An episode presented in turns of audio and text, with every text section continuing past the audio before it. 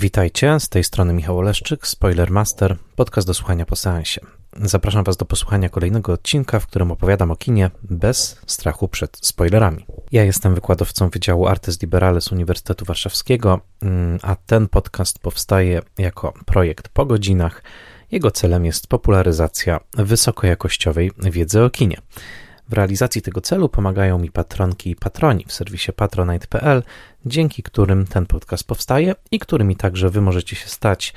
patronite.pl łamane przez Spoilermaster to adres, pod którym można wesprzeć Spoilermastera i uzyskać bonusy e, z tym związane. Szczególnie dziękuję moim patronkom i patronom imiennym, to znaczy Agnieszce Egeman, Sebastianowi Firlikowi, Joannie i Dominikowi Gajom, Odiemu Hendersonowi, Beacie Hołowni, Adamowi Andrzejowi Jaworskiemu, Annie Jóźwiak, Tomaszowi Kopoczyńskiemu, Jarkowi Krauzowi, Magdalenie Lal, Bartoszowi Filipowi Malinowskiemu z bez schematu, Misiowi Misiowej i Misiowi Juniorowi, Jakubowi Mrozowi, Iwonie Oleszczuk-Jaźwieckiej, Annie i Krystianowi Oleszczykom, Władimirowi Panfiłowowi, Tomaszowi Pikulskiemu, Magdalenie Święch, Weronice Więsyk, Jackowi Wiśniewskiemu, Michałowi Żołnierukowi, podcastowi Let's Make Movies, czyli Jerzemu Zawadzkiemu i Tomaszowi Mączce, a także blogowi Przygody Scenarzysty prezentującemu analizy scenariuszowe.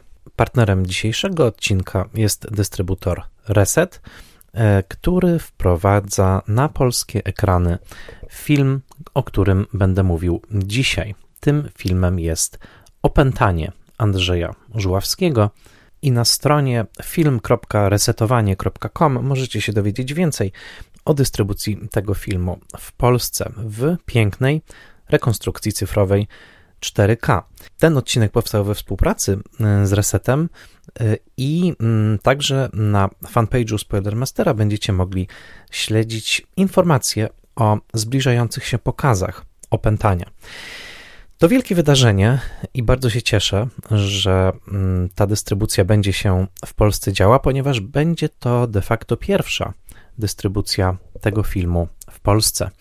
Z wyjątkiem bardzo nieregularnej dystrybucji, e, która pojawiała się w obiegu festiwalowym, mm, a także mm, w kontekście raczej pokazów DKF-owych, w końcu film polskiego reżysera zrealizowany w Berlinie przede wszystkim za francuskie pieniądze e, w roku 1980.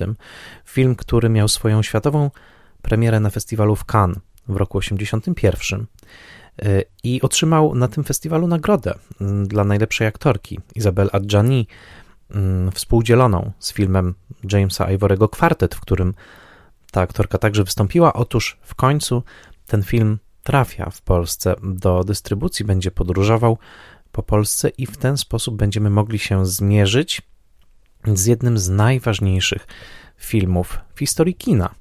E, to wielki paradoks, że dzieło, które jest pod pewnymi względami arcypolskie, dotyka tematów, które przewijają się w polskiej kulturze i romantyzmu, i modernizmu, i młodej Polski, i oczywiście e, bardzo głęboko zanurzone w dwudziestowiecznych polskich dylematach estetycznych, politycznych, moralnych, artystycznych. Otóż to wielki paradoks, że to dzieło pozostaje w dużej mierze nad Wisłą nieznane i bardzo liczę na kultową reputację tego filmu, e, ponieważ ma już taką reputację na świecie, gdzie został wydany w licznych edycjach DVD i Blu-ray z bardzo obszernymi dodatkami, także dzięki ogromnym zabiegom kuratora twórczości Żuławskiego, jakim od lat jest już Brytyjczyk Daniel Bird. Y, cieszy mnie, że ten film być może znajdzie nowych fanów, nowe fanki. Y, przede wszystkim zaś być może, że odbędzie się o nim pogłębiona dyskusja, której nad Wisłą wciąż y, brakowało, mimo oczywiście mm, szlachetnych i ważnych wysiłków badaczy i autorów, takich jak chociażby mm, Piotr Kletowski i Piotr Marecki, którzy już w 2008 roku w swoim wywiadzie Rzece propagowali Żuławskiego jako wręcz patrona nowego, nomen omen resetowanego kina polskiego, bo wtedy także e, Piotr Marecki stał na czele takiej mm, inicjatywy resetu, czyli właśnie odnowienia polskiego kina w duchu zespołów filmowych lat 70., y, ale także oczywiście należy tutaj wymienić biografkę mm, Andrzeja Żuławskiego, Aleksandrę Szarłat, polecam jej książkę Żuławski Szaman, więc nie jest to tak, że o Żuławskim nie mówimy nad Wisłą, bo już od jakiegoś czasu mówimy, ale wciąż za mało jest y, po prostu dostępności tych filmów, zwłaszcza jego filmów zagranicznych. Przypominam, że to jest bardzo bogata biografia i filmografia, zwłaszcza w latach 80. Te filmy francuskie wciąż pozostają u nas terra incognita, więc z jednym słowem zaczynam ten odcinek Spoiler Master Classic od radosnego przyznania, że nareszcie e, opętanie e, doczeka się szerszej polskiej e, recepcji. No to zaczynamy. Mm, opętanie jest filmem, który w mm, filmografii Andrzeja Żuławskiego zajmuje bardzo szczególne miejsce. Wydaje mi się, że jest to perła w koronie tej e, filmografii i jednocześnie film, który, przypomnę, trafił na listę top 100 Spoilermastera. Jest to jeden z moich ulubionych filmów e, wszechczasów. Chociaż słowo ulubiony jest w tym przypadku e, na pewno niekonwencjonalnie użyte, ponieważ nie jest to film przytulny, nie jest to także film miły w kontakcie, jest to film bardzo ekstremalny, frenetyczny, intensywny, chwilami także szokujący, a jednocześnie wydaje mi się, że udało się tutaj coś, co dla polskich, zwłaszcza filmowców, jest y, w dużej mierze nieosiągalne, mm, pozostaje nieosiągalne, pozostaje jakimś świętym gralem, mianowicie głęboka fuzja kina artystycznego, osobistego, nawet intymnego y, i kina gatunkowego, ponieważ opętanie jest y, najkrócej rzecz ujmując horrorem. Jest to film opisujący rozstanie, rozstanie małżeństwa Anny, którą gra Isabel Adjani i Marka, w tej roli Sam Nil. E, małżeństwo mieszka w Berlinie, w Berlinie podzielonym murem, e, murem, który jest jednocześnie raną na ciele Europy i świata i symbolem zimnej wojny, która w tamtym czasie jeszcze oczywiście wciąż trwa. I ich rozstanie, inicjowane przez Annę, wydawałoby się irracjonalnym, ale bardzo intensywnym impulsie odrzucenia Marka, uzyskuje powoli, a nawet dosyć szybko eskaluje do rozmiarów apokaliptycznych. Anna zachowuje się w sposób nieprzewidywalny. Następują eksplozje przemocy pomiędzy parą, a Anna udaje się do zapuszczonego mieszkania mm, w berlińskim Kreuzbergu, by uprawiać miłość z e, przedziwną istotą. Istotą, która jest emanacją jej własnych pragnień, jej własnej egzystencjalnej pustki. Ta istota przypominająca wielką ośmiornicę albo skorpiona skrzyżowanego z ośmiornicą, która oczywiście jest odsłonięta dopiero pod koniec filmu, e, to jednocześnie potwór, potwór, który kojarzy się właśnie ze światem horroru i symbol. Symbol czego? nad tym jeszcze w tym odcinku się zastanowimy. E, perspektywa filmu jest głównie perspektywą Marka, męża, który zostaje porzucony, który próbuje zrozumieć decyzję żony, który tej decyzji nie rozumie i który pogrąża się w agresji, histerii, szaleństwie, wstręcie.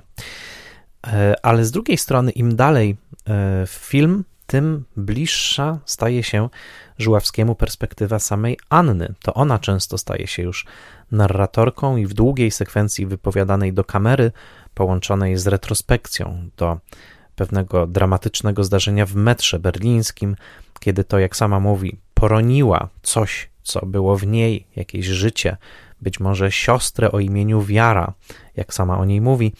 E, otóż cała druga połowa filmu jest już o wiele bliższa perspektywy samej Anny i perspektywy jej szaleństwa.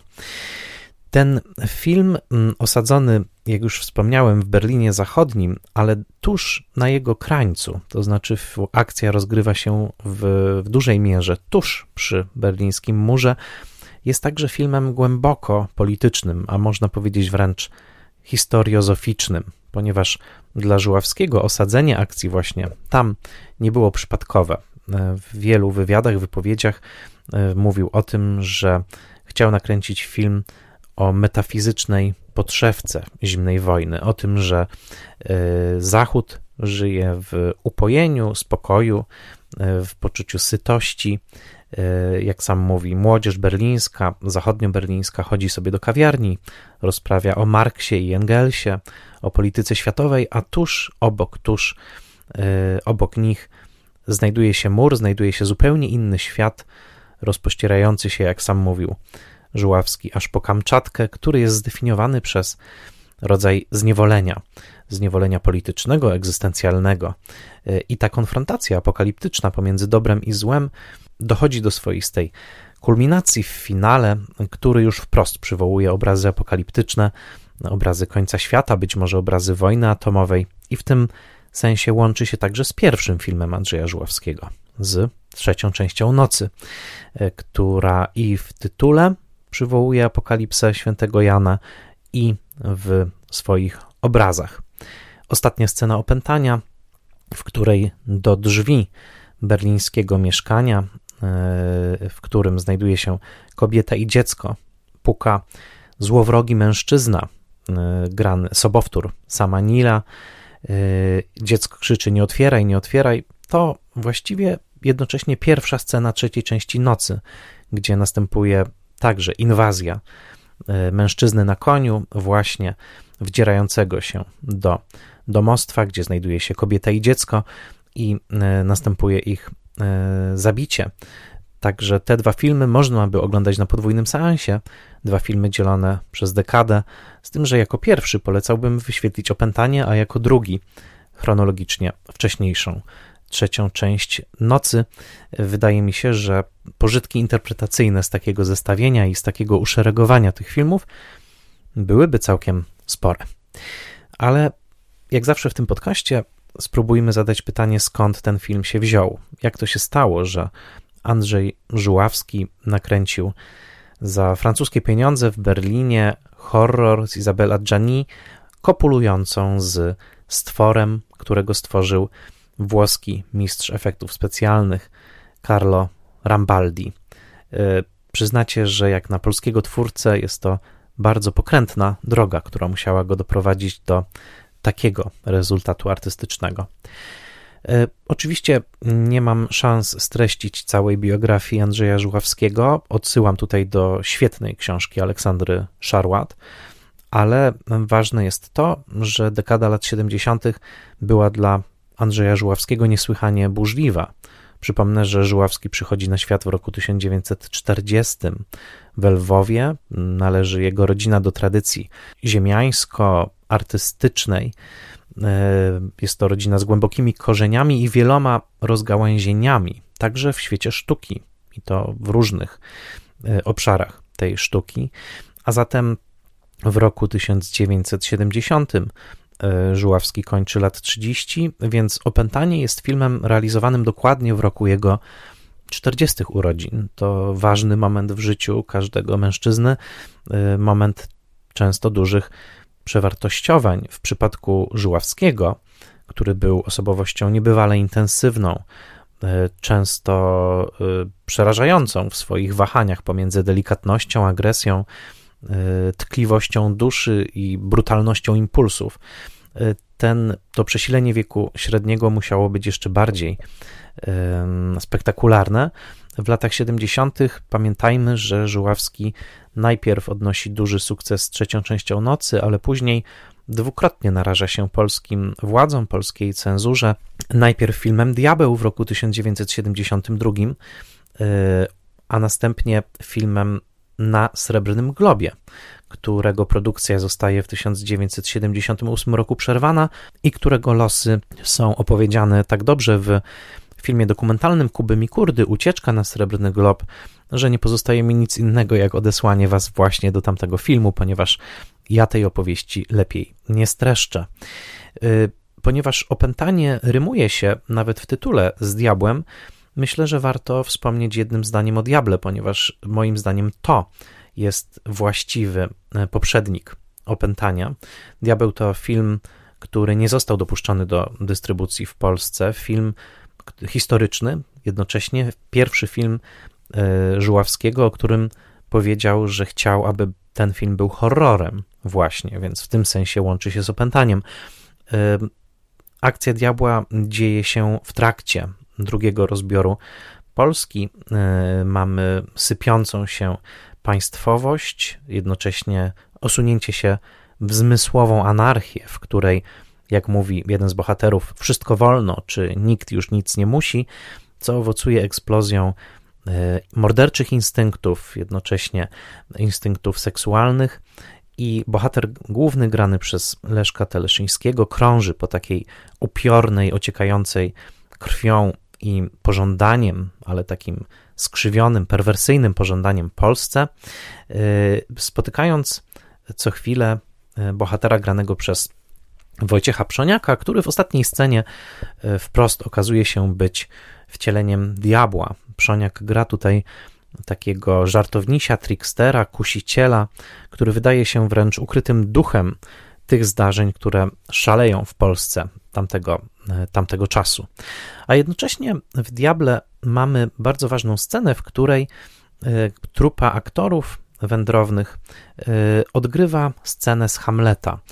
Jest to słynna scena, w której Hamlet w sypialni swojej matki E, wylewa jej swoje moralne i wręcz fizyczne obrzydzenie e, nad faktem, iż matka związała się z jego stryjem i to bardzo szybko po śmierci e, swego męża, czyli ojca Hamleta. Te słynne frazy hamletowskie, wypowiadane często w inscenizacjach prosto do ucha Gertrudy, czyli matki, są frazami męskiego wstrętu nad kobiecą seksualnością, wstrętu przede wszystkim nad jej łapczywością, nad tym, jak bardzo jest ona niepowstrzymana. Innymi słowy, są to słowa lęku przed kobiecością, która odmawia zamknięcia się w e, wytyczonych przez męską moralność ramach. I warto uchwycić się tych fraz nie tylko dlatego, że to jeden z najsłynniejszych i najpiękniejszych literacko wybuchów mizoginii w literaturze światowej, ale także dlatego, że całe opętanie jest właśnie o tym. Mark, przy, przyglądający się swojej żonie, nie pojmujący jej wyborów, jednocześnie jest zdjęty wstrętem. Wstrętem y, nad jej wolnością, nad tym, jak bardzo zanurzyła się ona w świat pożądania, w świat tego, czego najwyraźniej bardzo potrzebuje, a co jednocześnie oczywiście ma niebywały, wręcz apokaliptyczny, destrukcyjny potencjał. I Wydaje mi się, że żeby dobrze zrozumieć, jak radykalnym gestem artystycznym jest opętanie, a jednocześnie jak mocno ten film dotknął kluczowych dylematów swojego czasu, powiedziałbym, że dotknął tych dylematów tak mocno i tak bezpośrednio, że wręcz publiczność tamtego czasu cofnęła się i odrzuciła ten film, i dopiero dzisiaj rozumiemy, jak bardzo był ważny, jak bardzo był przenikliwy. Otóż wydaje mi się, że warto zestawić ten film z innymi filmami o rozstaniach, o parach, które kończą swoje związki, których nie brakowało w kinie tamtego czasu. Przypomnę tylko, że w 1979 roku Oscara za najlepszy film, pokonując czas apokalipsy, otrzymuje sprawa Kramerów Roberta Bentona.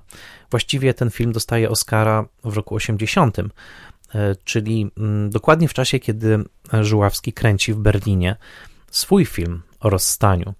I o ile w sprawie Kramerów mamy już totalnie zgentryfikowanych amerykańskich mieszczuchów, Dustina Hoffmana i Meryl Streep w oscarowej roli, skąpanych w ciepłym świetle fotografii Nestora Almendrosa, którzy próbują zrozumieć gest matki, która porzuciła ojca i syna po to, żeby odnaleźć siebie, i potem w długiej scenie sądowej dochodzą do delikatnego, ale jednak porozumienia i zrozumienia jej motywów w owej próbie łapczywej emancypacji, takiej emancypacji, e, która dotyka tabu, mianowicie porzucenia dziecka. O tyle w opętaniu dokładnie ta sama sytuacja, dokładnie ten sam temat owocuje scenami wzajemnego okaleczenia, samookaleczenia, e, cięcia się po skórze nożem elektrycznym, przemocy, policzkowania e, i krwi, która w pewnym momencie tryska z ust Izabel Adjani,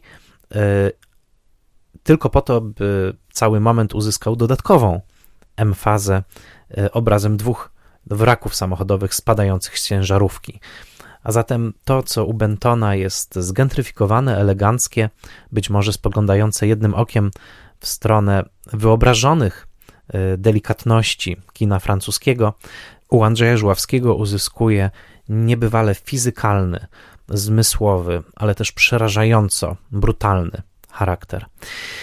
Oczywiście rozstanie, które obserwujemy w filmie Żuławskiego, ma swoje źródła w biografii samego reżysera, ponieważ nie dość, że Żuławski e, dwukrotnie doświadczył w latach 70.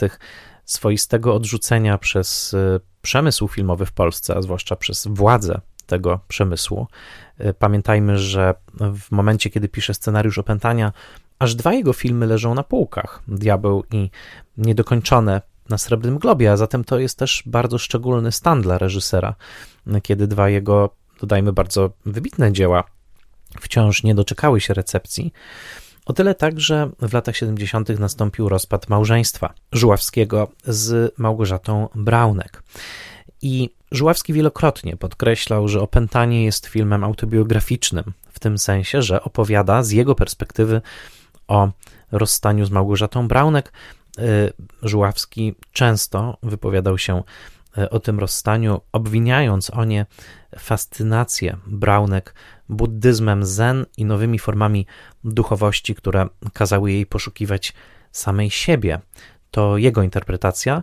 Pamiętajmy też, jak często w jego wypowiedziach, zwłaszcza w wypowiedziach o aktorkach, z którymi pracował, y, pojawiał się ton mizoginii, mm, niechęci do kobiet E, trzeba brać jego relacje o nich e, z bardzo dużą dozą sceptycyzmu. Czasami wydaje się wręcz, że te opowieści zahaczają o konfabulację. Natomiast e, nawet konfabulant często używa swoich kłamstw i matactw do wyrażenia emocji, które są autentyczne.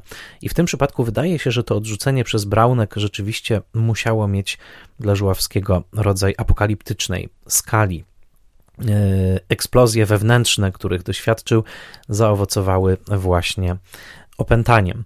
E, przy czym wspomnę i tutaj podrzucam wręcz pewien pomysł, gdyby ktoś chciał go opracować filmowo czy dramaturgicznie. E, wspomnę o tym, jak fascynującą postacią, jak fascynującą ikoną kobiecości w latach 70. w Polsce była właśnie Małgorzata Braunek.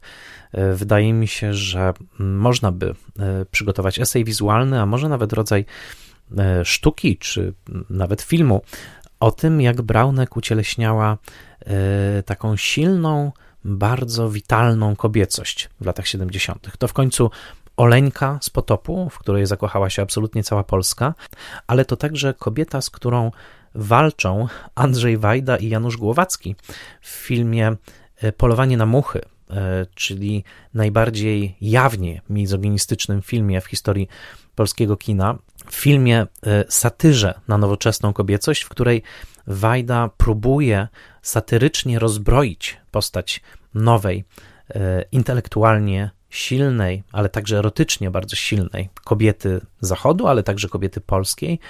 Tę kobietę także zagrała e, zagrała Małgorzata Braunek.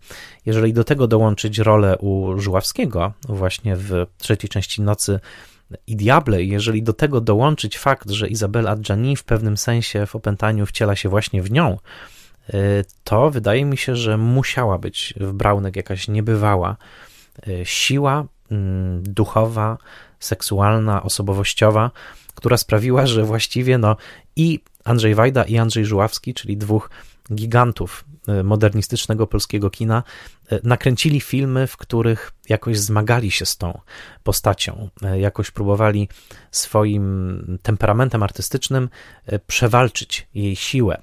Obydwaj polegli, ponieważ Wajda nakręcił jeden ze swoich słabszych filmów, a Andrzej Żuławski koniec końców swoim filmem wręcz wyraża hołd dla siły, kobiecości, której nie da się absolutnie poskromić. E, I mm, przytoczę teraz fragment wywiadu rzeki z Andrzejem Żuławskim, który przeprowadzili Piotr Kletowski i Piotr Marecki, który wskazuje także na inną inspirację stojącą za opętaniem e, i pomaga zrozumieć genezę tego filmu. Żuławski mówi: Wracam do tego, ponieważ opętanie to było moje doświadczenie i robię z tym, co chcę. Nikomu nie pozwolę się do tego przyczepić. Poza tym każde takie doświadczenie, zwłaszcza dotyczące kobiety i mężczyzny, czyli jądra wszystkiego tego, co nas w końcu tak najbardziej interesuje, czyli tak zwanej miłości, to jest spektakl. Tylko trzeba chcieć to zobaczyć, nie jako przeżycie własne, ale jako spektakl. Stanąć z boku, postawić kamerę i zobaczyć, jak to wygląda. Do tego stopnia, że niektóre sceny, zwłaszcza te sceny domowe, kuchenne, to jest dialog żywcem przepisany z rzeczywistości, bo przeżywając jednocześnie to spisywałem, żeby nie zapomnieć, co mi zostało powiedziane, żeby nie zapomnieć, że jak palant się zachowałem w tamtym tym momencie. To było zapisane i oddane momentami jak jeden do jednego. Drugim impulsem było zobaczenie scen z życia małżeńskiego Bergmana. To jest film wybitnie dobry, ale wyszedłem z niego z zupełnym niedosytem. To znaczy, został tam wybudowany dom, kuchnia, sypialnia, pokoje, korytarz. Wszystko jest, ale nie ma strychu, czyli nadbudowy. Krótko mówiąc, czy ten dom, ta treść coś znaczą, czy nic nie znaczą? Czy to znaczy, że w ogóle tak jest, bo nie wierzymy w Boga i jesteśmy materialistami, bo ojciec nasz był pastorem i nienawidzimy samego słowa Bóg, tak jak w wypadku pana Bergmana? Czy też przejmujemy do wiadomości, że człowiek z każdego wydarzenia egzystencjalnego umie zrobić fabułę, czyli bajkę w najlepszym wypadku? Bajki są w ogóle najlepsze. Dzieciom się nie opowiada życia egzystencjalnego, tylko opowiada się życie, które jest sfabularyzowane. Ta konfabulacja na temat rzeczywistości jest bardzo często jedynym powodem, dla którego rzeczywistość jest interesująca, a nie odwrotnie. I mnie zabrakło tego strychu. Pomyślałem sobie, on wybudował wszystko, ale, niecenzuralne słowo, co tam u niego na strychu siedzi. To mnie zaciekawiło, żeby tam wlazł po schodach. Otworzył drzwi i coś zobaczył. No więc wlazłem na strych. Otworzyłem drzwi i zobaczyłem takie wymyślone monstrum. Z jednej strony więc prywatne doświadczenie, z drugiej strony sceny z życia małżeńskiego i głęboki niedosyt, że to za mało. Z trzeciej strony stosunek tej alegorii, którą można by opowiedzieć do jakiejś formy życia, koncentraku, w totalitaryzmie. Nieważne, czy to jest Berlin Zachodni, czy to jest Warszawa, czy Detroit z taśmą fabryczną, wszystko jedno. To się odnosi też do rzeczy bardziej społecznych, nawet politycznie zapisywalnych. No i z tej przędzy włosów trzech zrobił się taki warkocz, który się nazywa e, opętanie. Tak opowiada o genezie pomysłu Żuławski i należy o tym pamiętać, ale należy dodać jeszcze e, kilka innych komponentów. Przede wszystkim fakt, że po, na Srebrnym Globie Żuławski z Polski wyjeżdża. Zostaje mu ten wyjazd dość mocno zasugerowany, a z drugiej strony e, zaprzyjaźniony zachodni producent Christian Ferry wystosowuje stosowne zaproszenie dla Żuławskiego w nadziei, że Żuławski zakorzeni się bardziej na zachodzie, ponieważ poza tymi dwoma polskimi filmami, które trafiły na półki w połowie lat 70., Żuławski nakręcił film francuski, najważniejsze to kochać, z Romy Schneider, który okazał się ogromnym hitem kina francuskiego.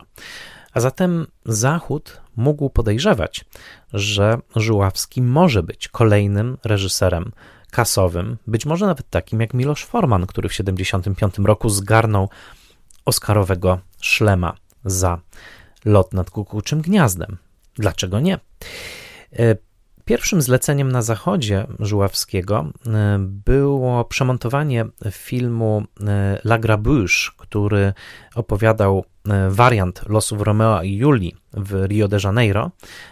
Nową muzykę do tego filmu, fragmenty muzyczne napisał Andrzej Korzyński, stały współpracownik Żuławskiego. Ale trzeba pamiętać, że to wołanie na zachód w przypadku Żuławskiego było także wołaniem do domu, ponieważ Żuławski co prawda urodził się w Lwowie roku 1940, ale młodość spędził później we Francji. Tam dorastał, kiedy jego ojciec był dyplomatą i to tam w Paryżu wykształcił się w szkole filmowej. A zatem Żuławski, jak żaden inny polski reżyser, być może z wyjątkiem Romana Polańskiego, czuł się na zachodzie jak ryba w wodzie. O ile jednak Polański odniósł e, sukces i kasowy, i artystyczny, o tyle Żuławski był dla Zachodu pewną enigmą, jeśli chodzi o to, jakie filmy mógłby kręcić i czy te filmy znajdą w ogóle publiczność i e, powodzenie. E, te ścieżki ciągnące mm, Żuławskiego na zachód w końcu doprowadzają go do Nowego Jorku, gdzie trafia pod koniec lat 70. i gdzie w hotelu, najprawdopodobniej w hotelu przy Gramercy Park, pisze on scenariusz, pierwszą wersję scenariusza e, Opętania. Tam spotyka się także z kimś, kogo już poznaliśmy w tym podcaście, mianowicie z Charliem Bludornem. Jeżeli pamiętacie szefa korporacji Gulf and Western, przy okazji szefa Paramountu, który odegrał bardzo dużą rolę w nakręceniu Ojca Chrzestnego przez Kopole. E, mówiłem o nim obszernie w odcinku o Ojcu Chrzestnym. To właśnie z Charlie Bludornem spotkał się także Andrzej Żuławski i próbował go namówić na opętanie, opisując go jako film o kobiecie, która pieprzy się z ośmiornicą. Proszę o wybaczenie.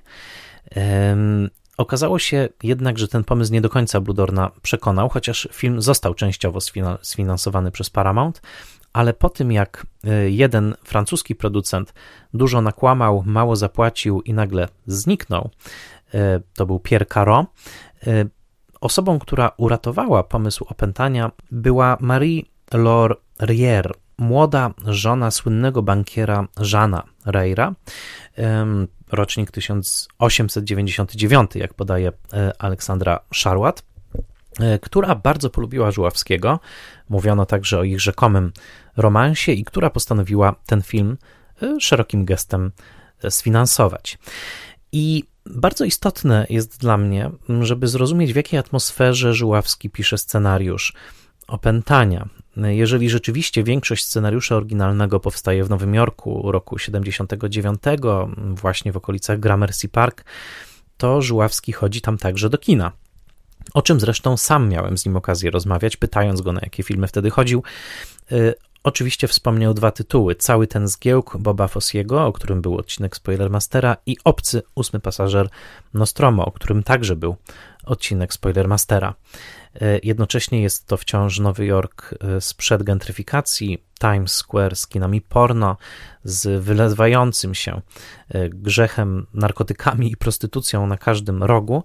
W tym Nowym Jorku właśnie krąży Andrzej Żuławski i wydaje mi się, że patrząc na potwora w obcym, już mógł bardzo sobie wyobrażać y, opętanie. Zresztą, jako do pierwszego y, zwrócił się właśnie do y, Gigera, który był projektantem obcego Scotta, Monstrum w tym filmie i o którym Żuławski marzył jako o współpracowniku do opętania. Giger był niedostępny, więc potworem zajął się Carlo Rambaldi.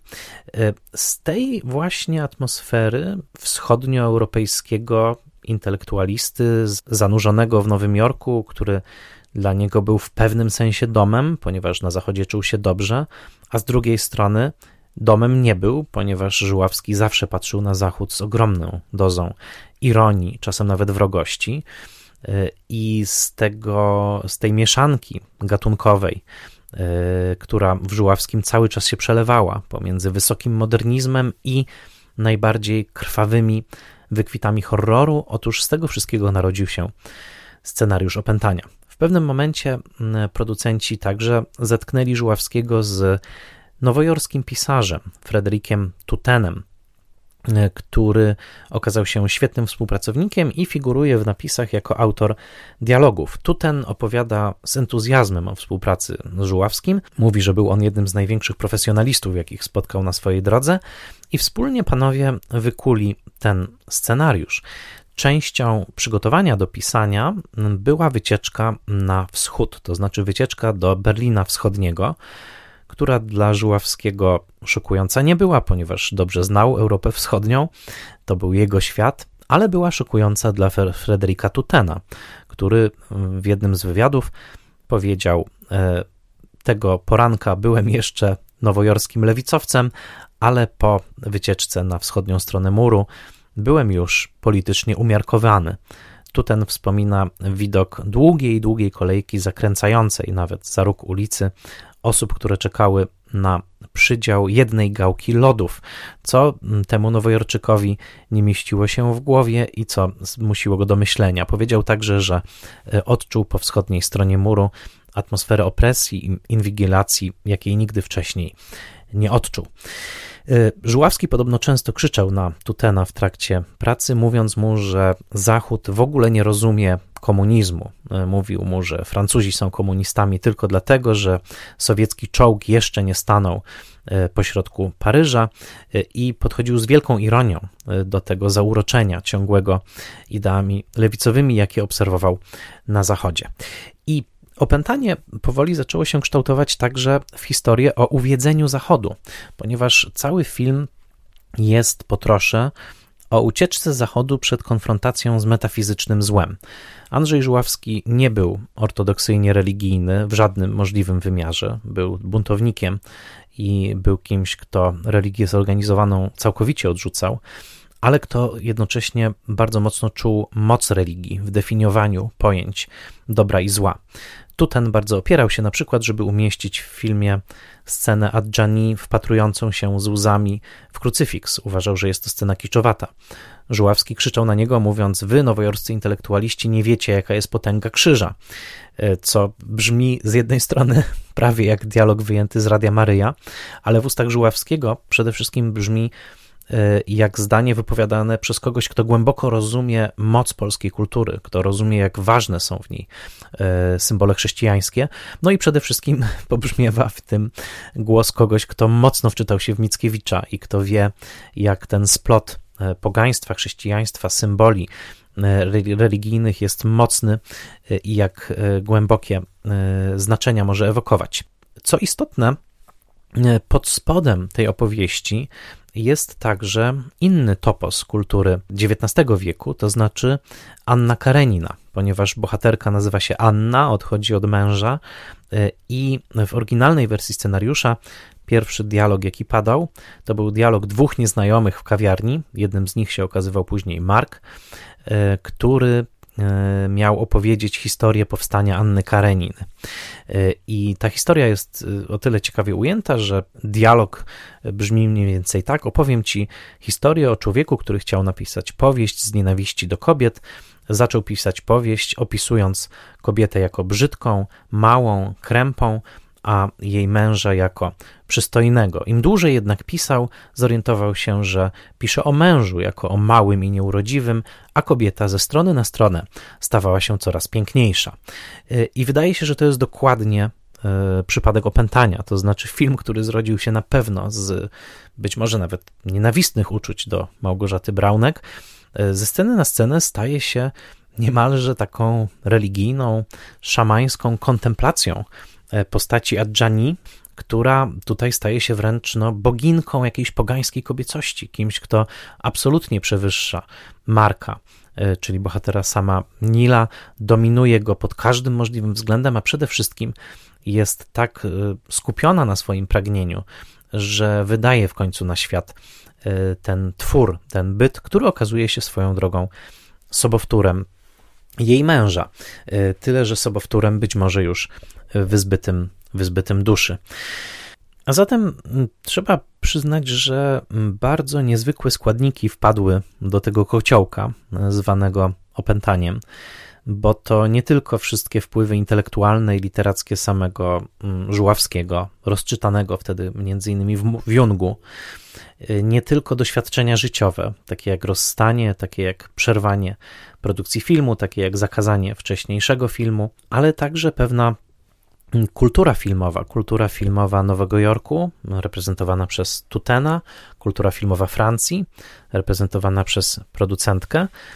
I poczucie, że y, Żuławski po raz pierwszy będzie miał gwarancję, że zrobi coś całkowicie po swojemu i że nie będzie mu stał na drodze y, komunistyczny cenzor.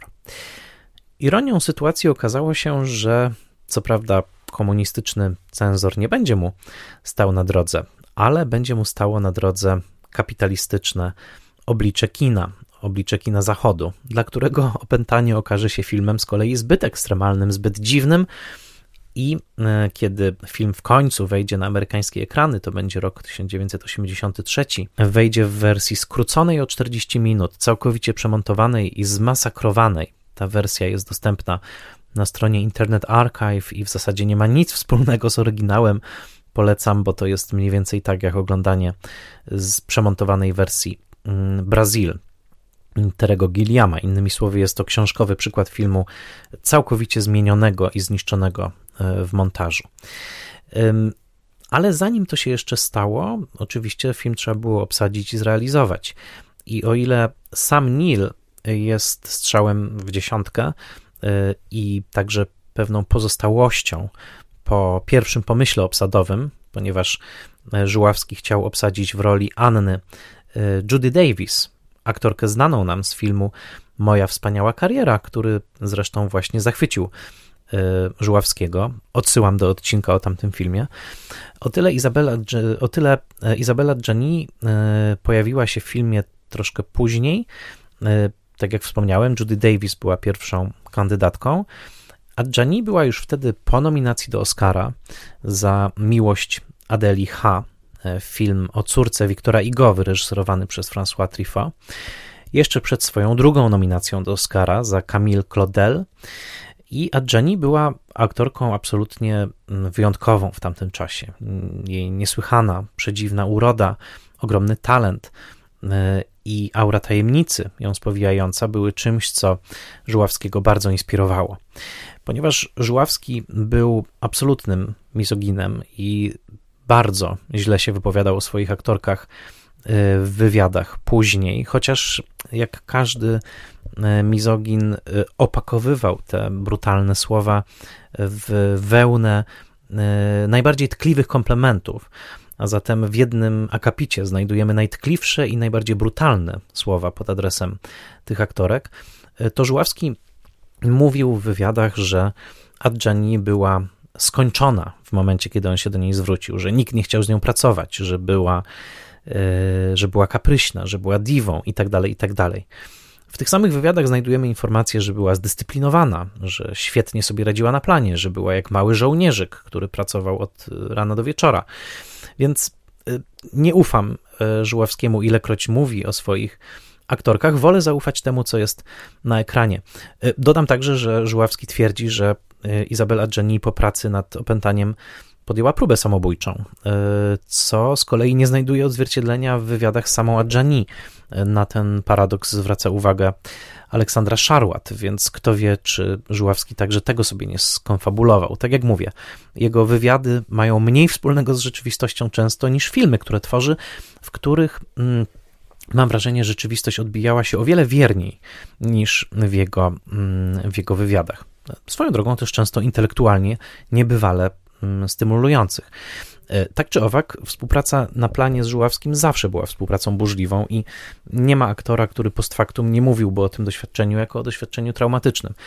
E, o tym także po latach wspomni sam Neil. Natomiast Żuławski tworzył na swoich planach, powiedziałbym, rodzaj chyba ustawienia Hellingerowskiego, ponieważ y, dbał o to, żeby mm, cała konstelacja ludzka miała pewną niezdrową, a jednocześnie kreatywną dynamikę, ponieważ y, zatrudnił Izabela Gianni, a jednocześnie zatrudnił jej męża, Bruno Nutwajena, jako operatora filmu, przy czym zakazał im rozmów. A zatem już tutaj ingerencja w ich tkankę życia prywatnego, która musiała odbić się na materii filmowej jako operatora kamery, tego, który faktycznie trzymał kamerę, e, w przeciwieństwie do Nutwajena, który był odpowiedzialny za oświetlenie, Żuławski zatrudnił Andrzeja Jaroszewicza, swojego stałego polskiego współpracownika, e, mężczyznę o żelaznej koordynacji ruchów i żelaznym, silnym ramieniu, który był jednoosobowym steadicamem, zanim wynaleziono steadicam. Tak płynnie potrafił E, przesuwać e, kamerę z ręki, że powstawały z tego niezwykłe filmowe jazdy bez użycia skomplikowanego oprzyrządowania.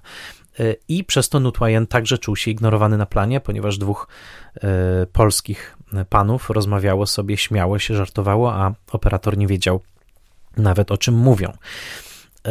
Adjani zagrała w tym filmie dwie role.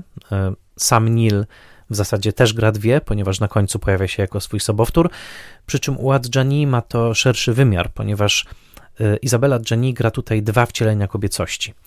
Z jednej strony Annę, czyli właśnie ową żonę, która odchodzi, żonę, która wpada w wir zmysłowej samowiedzy, y, destrukcyjnej i kreatywnej jednocześnie, a z drugiej strony Adjani zagrała Helen, to znaczy przedszkolankę z pięknym warkoczem, E, która jest wcieleniem delikatności kobiecej, opiekuńczości, matczynej, tkliwej strony kobiecości, w której e, Mark się rozkochuje, ale z którą tylko leży nago w łóżku, e, w takiej niewinności niemalże jak z rajskiego ogrodu. te dwa wcielenia kobiecości muszą się kojarzyć z toposami poezji romantycznej, e, ale także oczywiście z młodopolskimi fascynacjami, gdzie z jednej strony e, tacy ludzie jak Stanisław Przybyszewski e, fascynowali się kobietą sataniczną, kobietą zmysłową, kobietą destrukcyjną, chimerą, a z drugiej strony fascynowali się właśnie postaciami przede wszystkim z klasy ludowej, takimi kobiecymi, kobietami opiekunkami, kobietami świętymi. E, ten dualizm e, źle się zestarzał, wydaje się dzisiaj czymś anachronicznym, być może nawet toksycznym, ale oczywiście jest zakorzeniony w bardzo głębokich e, kulturowych archetypach, przy czym niebywałego postscriptum do opętania i do tego wizerunku Adjani w peruce z tym grzecznym warkoczykiem. Dostarczył sam Żuławski i to już niemalże na łożu śmierci. Nawet y, plotkarskie y, portale donosiły o tym, że blisko śmierci Żuławski mówił, że jego jedyną prawdziwą miłością była dziewczynka, jaką spotkał w dzieciństwie. On sam był wtedy też dzieckiem, miał 13 lat y, i spotkał ją chyba na placu zabaw. To była mm, przybrana córka Juliana Tuwima, która miała przepiękny warkocz i E, opisuje, opisuje Żuławski, że dotknąłem tego warkocza i zemdlałem. E, I, I to była jedyna prawdziwa miłość jego życia. Oczywiście w tym wyznaniu jest pewna doza narcyzmu, ponieważ mężczyzna, który przez całe swoje życie miał wiele partnerek, czasami wiele jednocześnie i nawet rozgrywał je psychologicznie przeciwko sobie, pod koniec życia, tak jakby chciał powiedzieć do ich wszystkich, że one nie były ważne, ważna była tylko ta niewinna, delikatna miłość dziecięca, której doświadczył jako, jako trzynastolatek. E, ale trudno nie myśleć o właśnie tym wizerunku e, Adjani z warkoczem, e, który pojawia się tutaj bo Opętanie jest filmem o takim wiecznie rozdartym męskim ego, o mężczyźnie, który jednocześnie próbuje poskromić, zdominować e, kobietę, z którą jest, ale z drugiej także marzy o tym, aby oddać jej w akcie takiego dziecięcego zaufania, właśnie jak swojej matce. E, to uzyskuje całkiem dosłowny wymiar rozdwojenia na, e, na ekranie w opętaniu.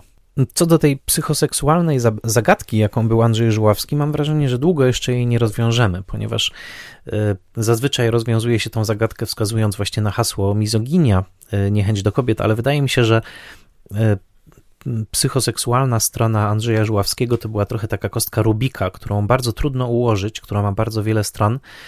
Jeśli ułożymy tę kostkę właśnie w to jedno hasło, mizoginia, to na pewno to jest prawda, ten element tam jest, ale trochę wtedy nam to rozwali wszystkie pozostałe ścianki, właśnie jak na kostce Rubika, bo wydaje mi się, że tam były o wiele bardziej skomplikowane rzeczy. Mm, brat Żuławskiego e, w wywiadzie z Wyborczą e, wspomniał, w wywiadzie z Jackiem Szczerbą, że uważa, że mm, Andrzej był wręcz kobietą w męskim ciele. E, postać Heinricha w mm, opętaniu z jednej strony sportretowana jest niemalże homofobicznie, z drugiej strony Heinrich mówi do E, Marka, że to ty jesteś kobietą, nie Anna. Co sprawia, że ta cała kwestia identyfikacji tego właśnie jak mm, Żuławski postrzega pierwiastek męski, żeński, jest o wiele, wiele bardziej skomplikowane i wydaje mi się niejednoznaczne. E, I też dlatego ten film i inne filmy Żuławskiego pozostają tak, e, tak fascynujące. No ale warto się przyjrzeć właśnie tej gatunkowej stronie opętania, ponieważ ona wydaje mi się najciekawsza. Ten film rzeczywiście jest horrorem. Posługuje się suspensem, posługuje się toposem zakazanego miejsca, którym jest właśnie to mieszkanie przy 87 Sebastianstrasse, tuż przy murze. Jest to film z sekwencjami makabrycznymi, film z głową schowaną w lodówce, z konfrontacją z potworem, a jednocześnie film o tych najintymniejszych doznaniach osoby, która e, przeżywa rozstanie. I muszę powiedzieć, że są w tym filmie sekwencje absolutnie e, mistrzowskie. E, dla mnie najbardziej mistrzowskim pasusem jest całe pierwsze pół godziny i późniejsza konfrontacja z potworem, ponieważ ten rodzaj czasu przestrzeni, jaki kreuje Żuławski ze swoimi współpracownikami, w tej malignie, w której jest Mark, y, jest fantastycznie pokazany. To znaczy, są tutaj sceny, w których Anna wychodzi z mieszkania, wchodzi do mieszkania ponownie, zaczyna sprzątać, zaczyna gotować, zaczyna się samo okaleczać, kiedy nie wiemy, ile czasu upłynęło pomiędzy tymi wyjściami. Kiedy wydaje się, że ten pokój, to mieszkanie berlińskie bohaterów jest takim, taką przestrzenią snu, jakiegoś koszmaru. Mógł minąć rok, mogła minąć godzina, e, aż do obejrzenia Matki Aronowskiego, filmu także kontrowersyjnego e, i pokrewnego opętaniu. Nie widziałem przestrzeni, która by była tak mocno subiektywizowana, jak właśnie przestrzeń u Żuławskiego. To jest coś, co mnie bardzo w tym filmie fascynuje. E, mianowicie fakt, że cały Berlin zostaje zamieniony w rodzaj takiej właśnie psychoseksualnej projekcji e, głównego, głównego bohatera. Na pewno można by to zestawiać z kinem Polańskiego i często porównywano opętanie ze wstrętem chociażby. E, Polański zresztą wcześniej pracował z Adjani, bo ona wystąpiła w Lokatorze, którego też można by porównać trochę z opętaniem, ale o ile mm, Polański z całym rozmysłem pławi się w aptekarsko dozowanej grotesce i bardzo dużo zależy u niego od tempa i rytmu opowieści, a także od jej całej, zazwyczaj niesłychanie eleganckiej konstrukcji. O tyle u Żuławskiego ta konstrukcja zostaje całkowicie y, rozwalona na naszych oczach. To nie jest film, który miałby taką klasyczną konstrukcję. Mamy mm, do czynienia, jak powiedział brytyjski krytyk Mark Kermode, nie tyle z filmem o szaleństwie, bo tak można by opisać chociażby Wstręt czy Dziecko Rosemary, co z filmem szalonym, filmem, który sam w sobie zawiera wirus jakiegoś szaleństwa. To nie jest, y, zresztą pamiętam, że krytyk Simon Abrams kiedyś nazwał y, opętanie y, wirusem w kształcie filmu.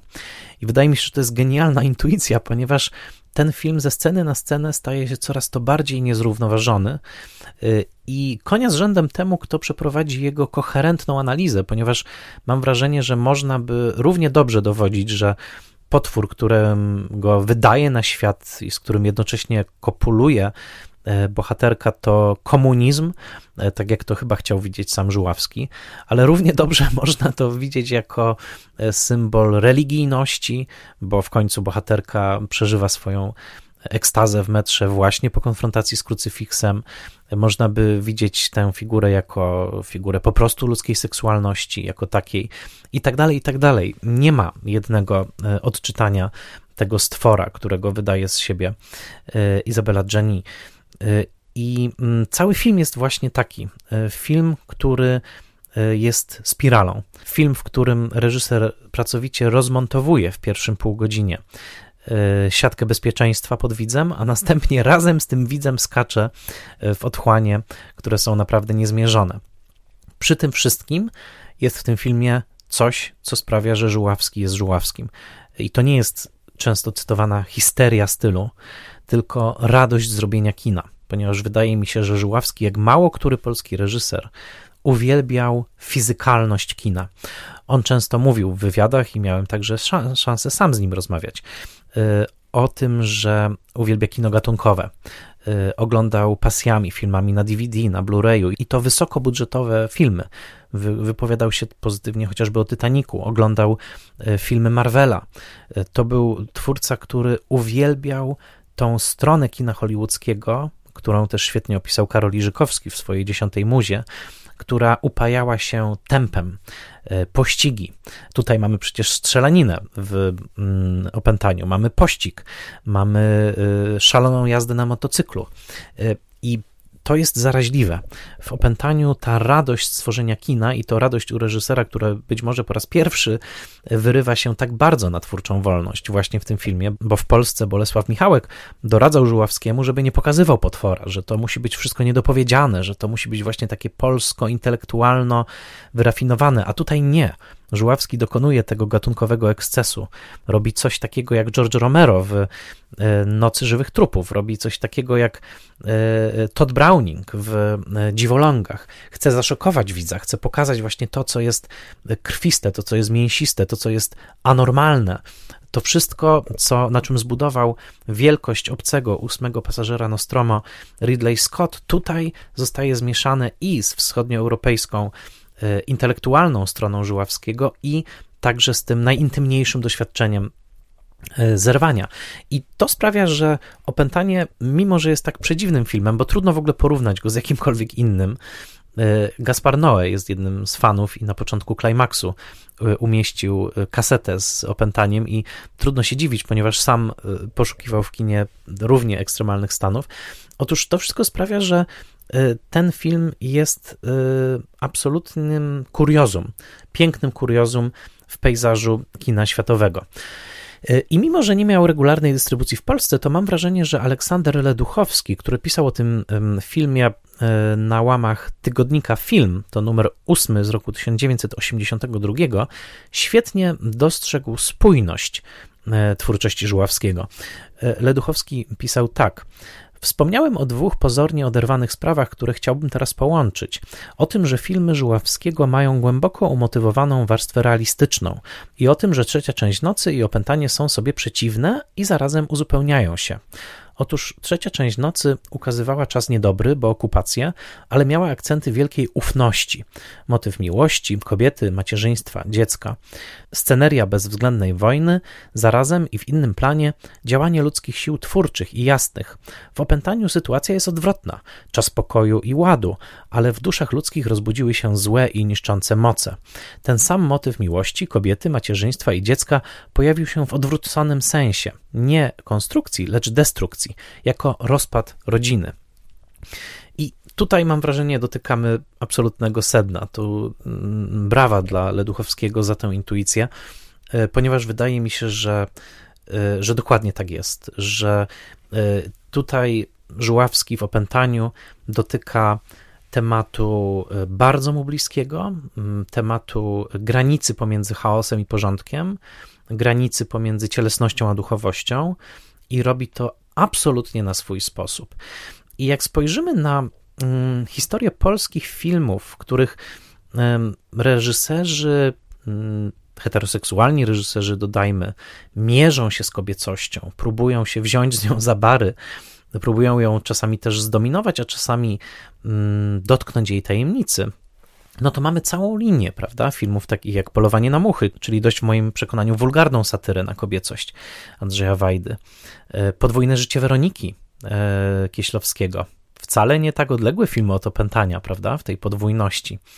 E, czy chociażby Baby są jakieś inne, to film Koterskiego, gdzie on uruchamia cały swój werbalny geniusz, żeby w tym długim, nocnym dialogu zmierzyć się z kobiecością, której tych dwóch bohaterów wciąż nie rozumie, to myślę, że Żuławski uruchomił najciekawszą e, e, maszynerię. To znaczy, z jednej strony maszynerię właśnie gatunku, horroru, filmowej obrzydliwości, czegoś z pogranicza właśnie obcego Scotta i B-klasowego filmu Rogera Cormana, a z drugiej strony, i trzeba mu to przyznać, przy wszystkich jego grzechach, tak jak otwierał przemocowo swoich aktorów, swoje aktorki, że jednocześnie przemocowo otwierał samego siebie, ponieważ oglądanie tego filmu e, to jest jednocześnie zaglądanie do otwartej klatki piersiowej samego reżysera. Tam nie ma nic zostawionego mm, w tajemnicy. To jest właśnie to zajrzenie na strych, o którym mówił w kontekście Bergmana. O ile Bergman w takich filmach jak mm, Sceny z życia chowa się za figurą teatralnego demiurga, E, mistrza aptekarskie, aptekarskiego, który odmierza ten dramat swoich bohaterów w sposób absolutnie kontrolowany. O tyle Żuławski pozwala sobie na coś, na co Bergman nie pozwolił sobie nigdy na utratę kontroli. Opętanie jest filmem coraz to mniej kontrolowanym z minuty na minutę. Tak jak wspomniałem, jest to film, który od pewnego momentu już nie opowiada o szaleństwie, ale który staje się szalony na, na naszych oczach.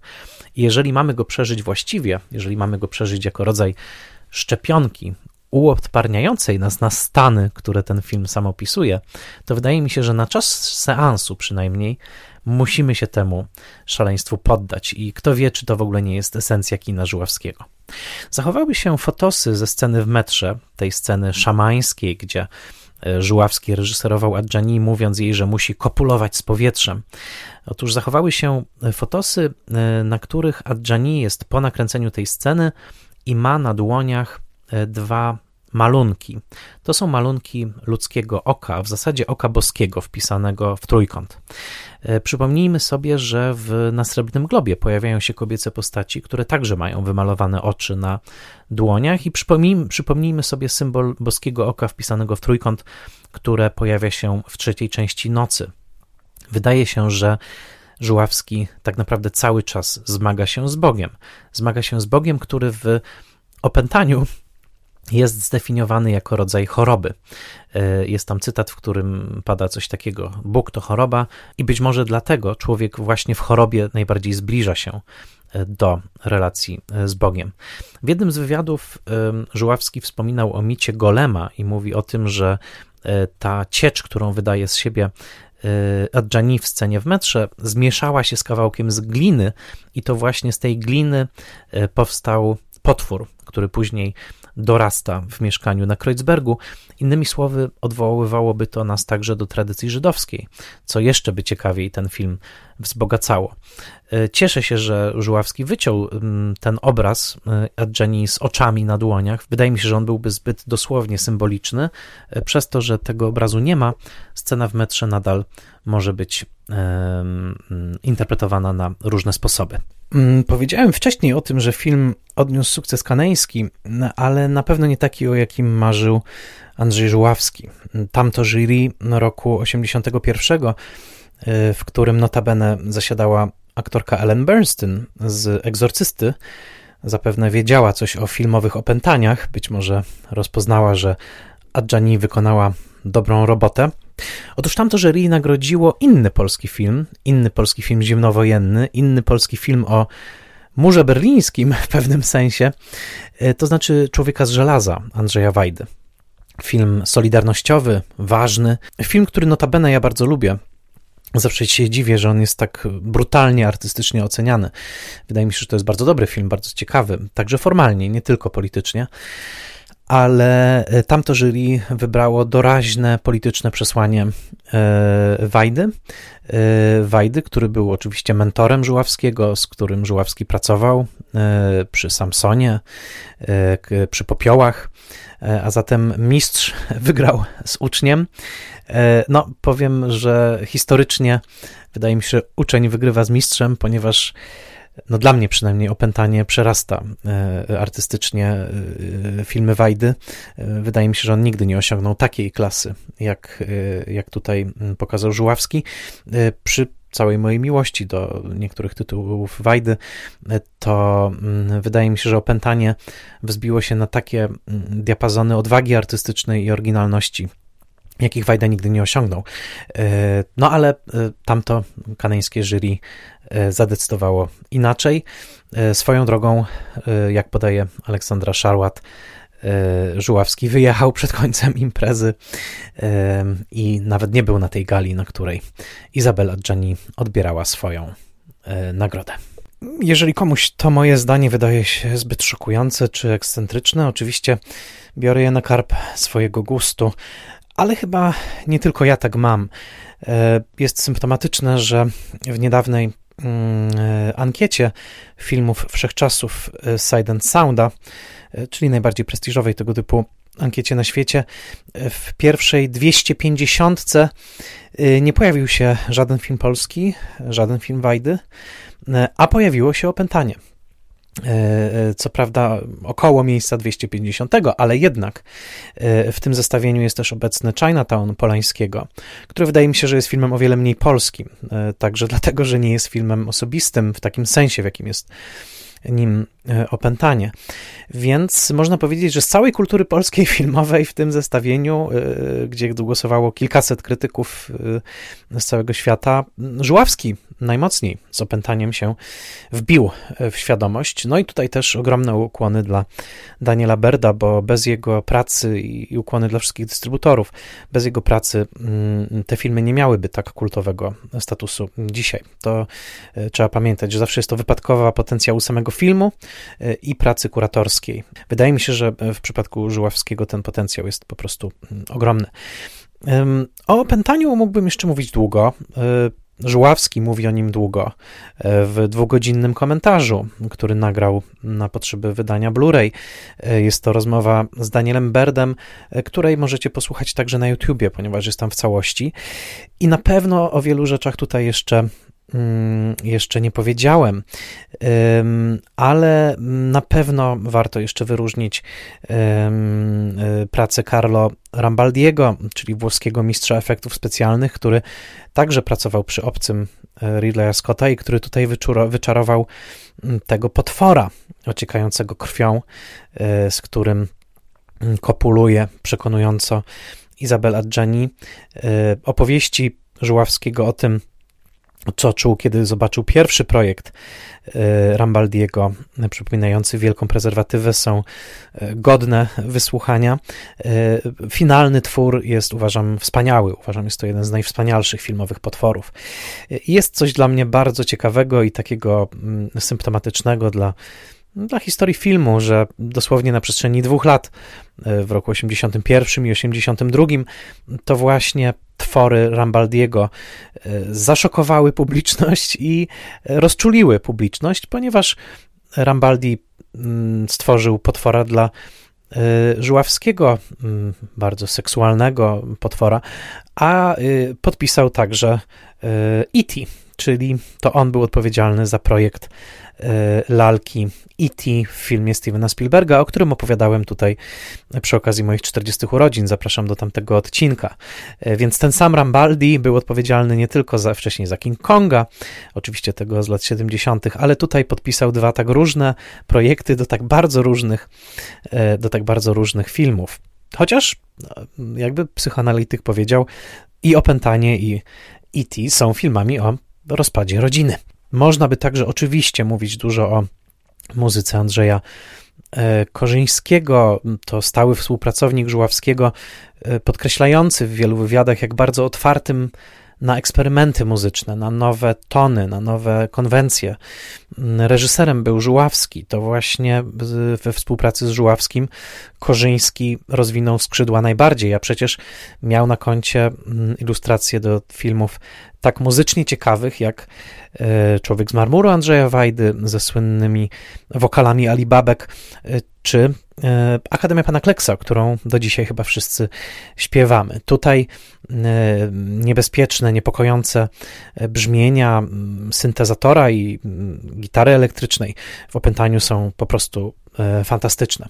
Ale zmierzając do e, końca tej opowieści o opętaniu, chciałbym zakończyć taką myślą, którą pomógł mi wyrazić Michael Brook, e, brytyjski historyk kina, który brał udział przygotowując dodatki do pięknego boksu filmów Blu-ray właśnie Żuławskiego, który wyszedł w Wielkiej Brytanii. W Polsce nie doczekaliśmy się takiej edycji, e, natomiast w Wielkiej Brytanii jest box wydany przez mm, Eureka Entertainment, gdzie są także liczne dodatki, no a filmy są w pięknych jakościach.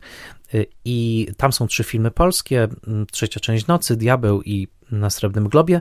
Jednym z dodatków jest także film Kuby Mikurdy, mm, Ucieczka na Srebrny Glob. Ale jest też 20-minutowy mm, mm, wykład Michaela Brooka o filmie Diabeł, gdzie on mówi bardzo ciekawą rzecz i to taką rzecz, której my sami chyba w Polsce nie doceniamy. Mianowicie Brook mówi, że polskie kino obfituje w ikonografię y, właściwą kinu grozy, właśnie y, horrorowi.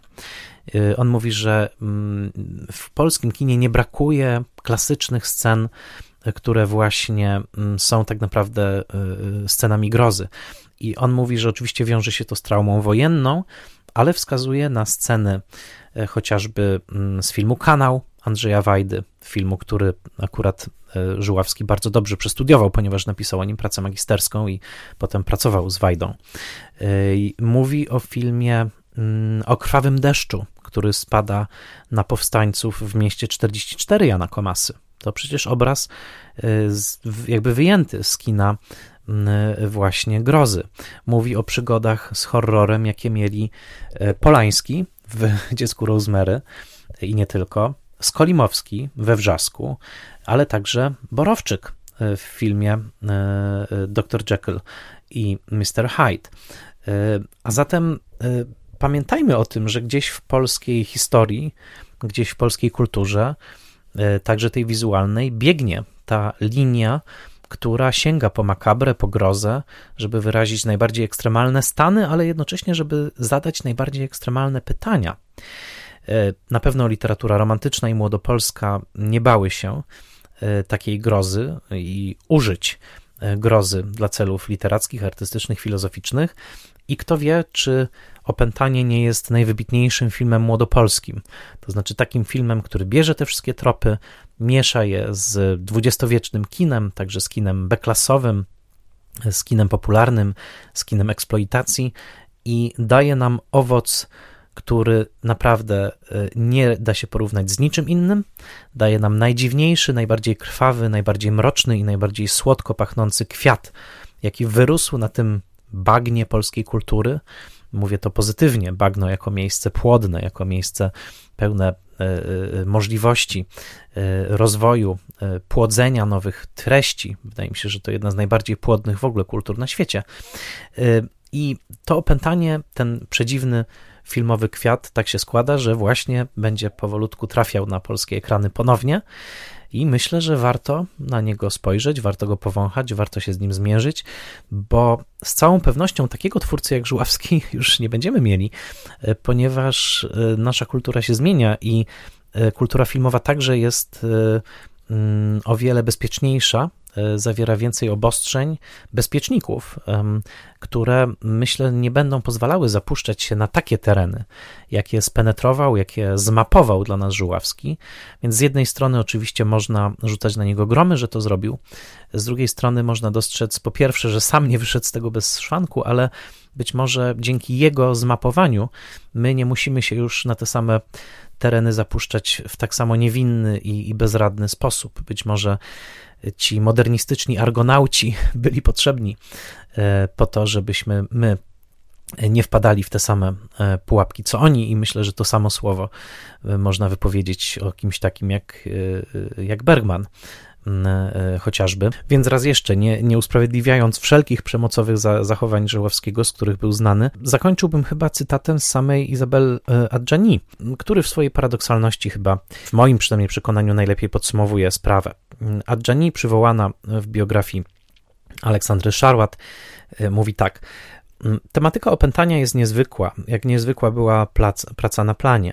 Kiedy kręciliśmy film, wszystko wydawało mi się dziwne, a jednocześnie normalne, bo w Żuławskim wszystko jest dziwne. Jego sposób kręcenia, filmowania, prowadzenia aktorów – i w rezultacie odzew jego aktorów jest dziwny. Myślę, że żaden inny reżyser nie wypróżnia tak aktorów jak Żuławski, a my pozostajemy zdziwieni, że potrafimy mu dać czego chce, czego potrzebuje. Aby uzyskać niektóre rezultaty, Żuławski grał wraz ze mną, był jakby moim sobowtórem. Niekiedy może cię nudzić reżyser wykonujący te gesty, jakie ty powinnaś wykonać. Masz wrażenie, że jesteś małpą naprzeciw drugiej małpy. Ale z Żuławskim było inaczej, bo on był autentyczny, był naprawdę ze mną. Potrafił wziąć na siebie moje lęki, potrafił przełamać całą masę rzeczy, które uważałam za święte. Aż do czasu opętania chowałam się za papierowymi rytuałami. Dał mi odwagę, bym wyszła z siebie samej. Odnalazłam radość grania, zdrową radość. To też y, ciekawy cytat na sam koniec, i mm, tak jak mówię, być może jakieś podsumowanie tych przedziwnych peregrynacji, jakich dokonywali e, transgresyjni reżyserzy XX wieku. Teraz pora na ich następczynie i następców, którzy e, mogą nam pokazać zupełnie inne możliwości pracy na planie. A ja ze swojej strony chciałbym zakończyć ten odcinek e, jeszcze jedną rzeczą, mianowicie osobistym wspomnieniem, ponieważ Andrzeja Żuławskiego e, zdarzyło mi się poznać w roku 2012 na festiwalu Off Camera, kiedy byłem jego rzecznikiem prasowym i wtedy tłumaczyłem niejedno spotkanie z polskiego na angielski i z angielskiego na polski. Tak się złożyło, że Żuławskiemu bardzo spodobała się moja angielszczyzna i e, zlecił mi tłumaczenie jednego ze swoich ostatnich scenariuszy na język e, angielski. Ten scenariusz nazywał się Siedem filmów o muzyce i był rodzajem filmu nowelowego. To zlecenie zawdzięczam Żuławskiemu i jego producentowi, to znaczy Marcinowi Wierzchosławskiemu. Praca z tym tekstem była przyjemnością. Żałuję, że film nie powstał, ale e, zawdzięczam temu tekstowi także inną przygodę, mianowicie realizację materiału wideo, który możecie zobaczyć na YouTubie, jeżeli wpiszecie Seven Films About Music. Mianowicie ten materiał wideo oryginalnie powstał, zrealizował go producent Marcin Wierzchosławski po to, żeby pokazywać ten materiał mm, potencjalnym koproducentom, żeby zabrać budżet na film. I tam ja wiele lat temu y, chodzę z Żuławskim po łazienkach warszawskich i rozmawiamy właśnie o tym projekcie, właśnie o tym filmie. I wtedy doświadczyłem tej magii Żuławskiego, bo z jednej strony widziałem go w momentach furii, widziałem też te momenty, jak wpadał w gniew na festiwalu w kamera. Y, I, I są to rzeczy, które raczej wolałbym zapomnieć. Z drugiej strony, no nie da się zaprzeczyć, była to magnetyczna osobowość i, i chciało się z nim przebywać, chciało się też go słuchać, chciało się mm, przebywać w tym polu magnetycznym. Wydaje mi się, że to jest coś poza, poza racjonalnego. I nigdy nie zapomnę jednej rzeczy, mianowicie po nagraniu poszliśmy na obiad. To musiały być okolice chyba ulicy Belwederskiej, jeżeli teraz sobie dobrze przypominam. I pamiętam bardzo dobrze, weszliśmy do restauracji, i Żuławski tak chodzi, wybiera stolik, patrzy, a może tu, a może tam, i w końcu mówi tu, usiądziemy tu, przy tym stoliku. Bardzo zdecydowany. Siadamy, ja na niego patrzę i mówię, no widzę, że bardzo pan przemyślał to, właśnie, że ten, że ten stolik. I on nagle dał taką całą tyradę o tym, że to jest najlepszy stolik, ponieważ e, będziemy mieli świetny widok na wejście, będziemy widzieć, kto wchodzi, kto wychodzi, będziemy też mieli świetny widok na drzwi do kuchni, będziemy widzieli, kiedy kelner wychodzi. Jednocześnie jest tutaj najlepsze oświetlenie, będziemy, nie będziemy siedzieć w cieniu i tak dalej. I ja tak wysłuchałem tego i mówię, wie pan co, no w ogóle tego tak nie, nie przeanalizowałem. I on nagle spojrzał mi prosto w oczy i powiedział: I dlatego, chłopcze, nigdy nie będziesz reżyserem.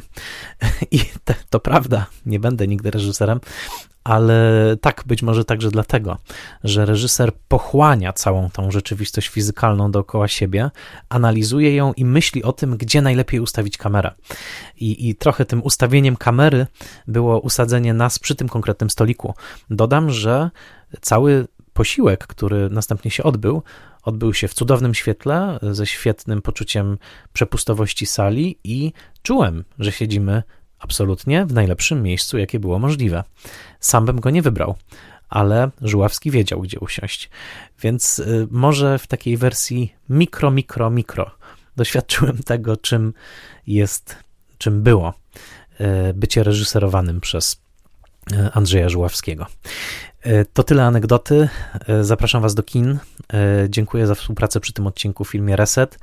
No i mam nadzieję, że opętanie sprowokuje Was do rozmów, do eksploracji twórczości Żuławskiego, twórczości dziwnej, pokręconej, czasami nieznośnej w swojej minoderyjnej, narcystycznej naturze, ale akurat w opętaniu mam wrażenie krystalicznie czystej. Dajcie się temu filmowi na chwilę porwać i zarazić. E, wyjdziecie z tego doświadczenia bogatsi. Inaczej i lepiej opętania nie potrafię zareklamować. Bardzo dziękuję raz jeszcze patronkom i patronom, dzięki nim te odcinki się pojawiają.